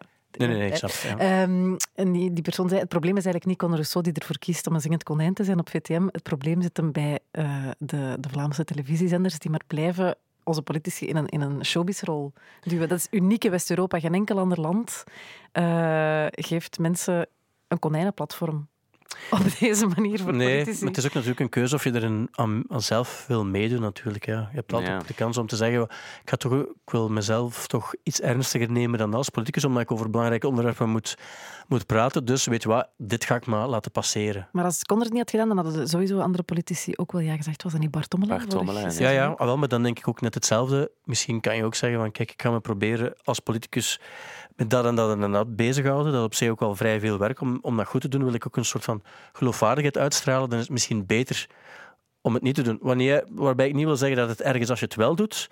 Maar ik zou op een bepaald moment er dan voor kiezen om ergens voor te staan ehm, waarbij je weet van ik moet over ernstige dingen praten. Dan wil ik ook liever dat de perceptie op mijn persoon ook eerder ernstig is dan dat je weet, ze komen op je rug slaan, uiteraard in de GB van ah, konijntje. Dan denk ik van ja, dan moet je daar niet over zeuren, want dan, Ja. dan hoort dat er ook bij. En zeker bij zo'n publiek dat groot is. Maar ehm, ja, Maar dus I can see your voice. I can see your voice. Is dat nu met BV's ook? Nee, toch, hoop ik. Eh, ah, nee, dat kan niet, want dan weten ze al hoe dat is. Wacht. Ah, nee, wacht. Eh, nee, het is met onbekende mensen wel. Ja. Ja, oké. Je hebt ook de kaktest in Nederland, ken je dat? Gaat er zo- Heb je dat gezien toevallig? Wat blieft? De kaktest, waarbij een panel van bekende Nederlanders praat over hoe een stoelgang eruit ziet en No waar ze kakken en hoe en waarom. Kan toch niet? Kijk, ernstig. Ja, moet eens kijken. Het is eigenlijk vrij funny om te zien. Het is van eh, BNN, van de Varen. Oké. Je kan het herbekijken als je wil. Je kan het volledig herbekijken. Ik heb een stuk herbekeken. Het is, het is, eh, En over wiens stoelgang heb je iets bijgeleerd? ik kende niemand van de bekende Nederlanders. Maar het was wel over, zou je kakken in het open als er volk is? Zou je hier op het werk kakken? Vind je dat lastig? Dat vind ik wel goed. Eh, en eigenlijk is het op zich, want ik dacht in het begin van oh boy, maar eigenlijk ging het over dingen waar niet over gepraat wordt. Dat is ook zo. Ga, je graag kakken hier op het werk? Ik heb daar straks echt, dat is nu wel echt heel toevallig. Daar straks ben ik naar de wc gegaan hier. En Zevende? nee, nee, nee, nee, nee. Dus gewoon echt hier. En er kwam een collega en die zei voordien van ja, ik moet eigenlijk ook wel naar het huisje. En er werd aangeklopt toen ik op de wc zat. En ik heb dan gezegd bezet. En achteraf kwam ik terug en zei die collega, amai, ik heb er ook deugd van gehad. Oh nee. En dan zei ik van, ah, maar zei jij er straks komen kloppen? Ah ja, ik was dat. Waren jij ook eerst naar dat verdiep geweest? Ik zeg, ja, en dat- ja, ik ben ook naar daar gegaan. En we hadden het erover. En plots zei er iemand anders, allee, zeg, wij moeten dat niet weten. En ik denk, hoe, eh, elke mens Ja. moet toch kakken? Zo erg is dat toch niet? Het is wel een soort van laatste taboe misschien ook wel. Want Dat moeten we doorbreken. In de comments, zeg Ja. het. dat is het- eigenlijk het ding. Want eh, zo dickpics bijvoorbeeld. Ik, heb, ik had het er onlangs met iemand over. Omdat ik, ik, allee, wij eh, zijn niet onmiddellijk van de generatie dat we daar ja, aan zouden eh, denken ook om het te doen. Maar in onze tijd bestond dat eigenlijk niet echt. Hè. Ik bedoel dan toen... Ik, neem aan dat dat vooral jonge mensen zijn. Alhoewel, ja nee, die Mark Overmars heeft dat ook. Zwat. Nee, nee, dat zijn geen jonge Smartphones mensen. bestonden nog. Smartphones, maar waarbij het funny zou zijn mocht je zo in plaats van dickpic zo'n gigantische drol of zo. Ik heb ooit een foto genomen hier op de, op de VRT, echt waar. Ik heb toen in onze WhatsApp-groep, toen, denk ik van de ochtend nog gestuurd ook, van, daar zat een drol in, waarbij ik dacht van, dit kan niet van een mens zijn. het leek een soort van, ik dacht van, het natuurhistorisch centrum op te bellen, om die op, is dat, Formol of zo te steken, want dat leek alsof er een soort van perfect gevormde rat zich samengetrokken had met zijn armpjes en zijn beentjes en dat hij aan het rusten was tegen de rand van de wc-pot. Like die aflevering van South Park. En dan blijkt dat Bono te zijn. Is echt, eh, nee, maar het is, het is, ik dacht, stel voor dat mensen zo'n dingen zouden beginnen delen. Maar en eigenlijk is dat soms zo, als je eerlijk bent, soms denk je van, amai, dit was nu echt zo'n proper afgewerkte mooie drol waarbij je Ik heb het nauwelijks moet dat dit vegen. echt... Dit is alleen mannen. Ah, wel, maar dat vind ik, Ik heb raar. nog eigenlijk. nooit een gesprek met mijn vriendinnetjes gehad Ah, over... eh, daar, daar gaat die kakt... Die cactus Ja? gaat over u eigenlijk, denk ik. Is het zo? Omdat- nee, maar ik bedoel gewoon maar... Ik snap ook wel, en er zijn ook omstandigheden waarbij ik denk van... Ik, ga hier niet, ik praat er ook heel weinig over, want het is vaak wat flauw en wat gemakkelijk. En het gaat over kak, en dan moet het altijd grappig zijn. Maar ja, het is wel zoiets... En dat is ook een beetje een punt, uw stoelgang. hè, eh, dat is wel iets heel menselijk, maar er hangt wel een soort van taboe en het is lastig. En, en ja, het is niet onmiddellijk hetgeen waar we mee te koop lopen, maar het is wel iets... Ik heb ooit eens een goed gesprek gehad met Thomas Huigen over eh, eh, de toiletten van de VRT. Maar eh, dan kwam het erbij uit dat de, de chassen hier echt schandalig slecht werken. Is dat ook jullie ervaring? Maar er Je staat toch een melding dat je, dat je drie seconden lang moet duwen. Hè? Maar soms Ja. duw ik tien seconden lang en het is nog niet... eh, Maar dan zal het liggen aan een ferme kak. Denk ik ook. En dat is oké, Michel. Dat is oké. Otwan heeft ooit 5 euro in een wc achtergelaten, omdat hij wist van, degene die nu hier moet binnenkomen, ik moet, die, ik moet iets terug doen. Ik moet die compenseren. Ik moet iets terug doen. Morele schadevergoeding. Ehm, Heel goed. Ja. Ehm, ik denk dat we, moeten stoppen, want we staan al, al over het uur. Maar het was ook omdat het plezant en interessant was. Dank daarvoor. Waar ik het niet over gehad heb, is dat TiVo een, eh, een maand lang alle licentieinkomsten van de oude catalogus aan Oekraïne Mooi. Gaat geven. Dat zal ongeveer 5 euro zijn, denk ik dan. Want wie luistert daar nog naar? Oh. Divo. Ik ook, het op. kwetsend, Ik kwetsend. zit om Dat te lachen omdat, eh, omdat Ja. eh, onze vriend Thibaut... Goeie van band. is- Goeie band, vooral duidelijkheid. Eh, ik ging ook nog vertellen dat ja, er nieuwe plaat uitkomen van dus Machine Gun Kelly, Placebo en Aldous Harding. Hmm. Die laatste vind ik interessant, die vorige twee doen mij minder. De nieuwe Weezer is er dus ook, met de oren van een elf. Goeie, goeie, goeie. Ja? Ik heb hem gecheckt, de EP. Ah, oké. Niet alles is even goed, maar eh, ze hebben dus gezegd van we gaan voor elk seizoen een soort van EP Ja. maken. Nu een is Een het Spring. Vivaldi-project. Ja, van ja, ja, inderdaad. En het is zo spring nu en het is zo heel feeriek. En Ja, maar- Rivers Cuomo met elf oren, dat gaat er dan over. Maar er staan wel een aantal hele goede nummers op. Ja, ik, ik heb ook geluisterd. Terwijl ik was heel grote fan van de vorige eigenlijk. Maar niet, Ja. niet, niet de Van, Van Weezer, maar de, de, de, rustige coronaplaat. De, de piano ja, ik en vond, zo. die eigenlijk- die vond ik eigenlijk best heel mooi. Eh, Maar het is wel, ja, het is, Weezer is wel heel, eh, moet ik dat zeggen, cheesy geworden. Maar Ja. wel op hun eigen manier. Maar echt nummergewijs zitten er echt hele goede dingen tussen, vind ik. ja, Ook bagger, hè? Maar, ja. maar ja. eh, maar ik ben een grote Weezer-fan, daar niet van. Will Butler stapt uit Arcade Fire, maar Ah, ja. laat ons eerlijk zijn, who cares? Niemand kent Will Butler. Dat is niet waar. Will Butler. Die solo is hij wel goed, vind ik. Ja, Eén. maar- En twee, die had toch wel een essentieel onderdeel in die band. Ik, ik, ik dacht heel, oh nee, end of an era had ik bij al die posts. Ja, is het echt? Oké, Ja, ja, ja. interessant. Maar wie dat de broer is van Win. ja. En, en eh, dan begon iedereen zo van die foto's te posten van hoe tof hij was en energiek bij shows. En ik had gewoon schrik nu al voor alle toekomstmuziek van Arcade Fire. Oh nee, die gaat minder Ja. goed zijn. Want Arcade Fire duft al eens. Ja. En met Everything Now was het zo. Maar hij gaat, gaat solo verder nu, dus we zijn er niet kwijt, hè? Nee, voor maar de fans. ja, Maar ik snap Ja. het, ja, als iemand uit een band sta- eh, Ja. stapt die veel voor iemand betekent, is dat natuurlijk voilà. niet zo. Van het jeugdsentiment wou ik dat het intact Ja. bleef voor in, tot in de- het einde der tijden. Nee, dat snap ik ook. En ik zou net hetzelfde voelen ehm, bij bepaalde andere bands. Maar ehm, ja, oké, ik snap het. En dan heb je Jack White, die ook... Dus heb je gezien van Beck? Dus Jack White Ja, dat zegt de dat hij show Beck is en... eh, crashed eigenlijk, zo ja, op zich niet mega funny of heel speciaal, maar ik dacht toen wel van, je zal er maar staan in zijn voorprogramma in Vorst Nationaal. Gefeliciteerd, die Eh, bal. Dankjewel, dankjewel. Proficiat. Toch wel een Ja. beetje pipi in de broek ook. Hoe cool, eh, toen ik het... Ik zag het dan nog ook, want je had het wel al gezegd. Wat het, dat was ook de beep die we, die we in de, de podcast Ja, hadden. ja. Omdat het toen nog niet zeker was. En toen zag ik het ineens op de Instagram van Jack White zelf. Equal Idiots Vrij staan. absurd, vrij absurd om zo eh getagd te worden door Jack White Official. Hoe cool is het? Shit. Dat is wel echt Ja. heel cool. Heel cool. Je zal er maar staan. Maar ik wil ook nog wel iets belangrijks doen voor, Ja? voor mensen die nu vandaag op vrijdag aan het luisteren zijn. Jij gaat vanavond ook optreden. Ja, maar eh, dat klopt. Ehm, met eh, Baby Hair. Het voorprogramma van Hair Baby. Het, het stemmetje is zo... Stem is, maar op zich, ik maak me geen zorgen. Nee? Nee. Wat mogen we verwachten? Weet je waarom ik me geen zorgen maak? En dat is het laatste waar ik mee wil. Ik heb ooit, en ik het misschien tegen, tegen jou vertellen, Michel, want jij was er niet bij. Maar ik- we hebben nooit eens een competitie gedaan met een onafhankelijke jury. Ja? Wie is de beste frontman? ah, ik weet het al. Oh. Wie is de beste frontman? En het was een, een Britse, het was in Manchester, echt zo de muziekstad. Ja. Echt onafhankelijke jury van muziekliefhebbers. En we hebben dan elk geperformed op onze manier. En we hebben toen gevraagd van, wie vond je de, de sterkste frontman? En ah, het is nu gewoon raar om dat zo te vragen, maar wie denk je dat er toen gewonnen heeft in die competitie? Je, je, moet, of we- ik? je moet weten tussen Ja, ons... wacht, maar het is gewoon de vraag Ja, tussen ja, Michel. Ja. Wie denk je dat er toen gewonnen heeft? Het is eigenlijk I Can See Your Voice, maar Op een andere manier, Ja. ja. Maar wie denk je dat er toen gewonnen heeft? Ik denk dat jij het was. Dankjewel, Michel, dat was waar. Ja, ja, Ja. Omdat, omdat we alle twee een nummer van Joy Division moesten eh, Just, maar zingen. ik heb dat gezien. En er was maar één nummer dat natuurlijk iedereen kent. Ja. Dat is Wow. Level Terrorists Apart. En ik stond daar zoals een echte Ian Curtis met, met epilepsie trekken eh, shadowplay te doen met een lage stem. Nee. En ja, en Stijn, er waren een aantal vrouwen van in de veertig die duidelijk een zwak hadden voor eh, Je bent van het aan het downplayen, maar ik weet alleszins dat het was wat dat was. En hij heeft mij moed gegeven ook. Dus ik denk ook, en dat meen ik ook echt, ik vind Thibaut oprecht een zeer goede frontman van Nicolaitis. Op, oprecht. Dus ik vond het een grote eer om zelfs...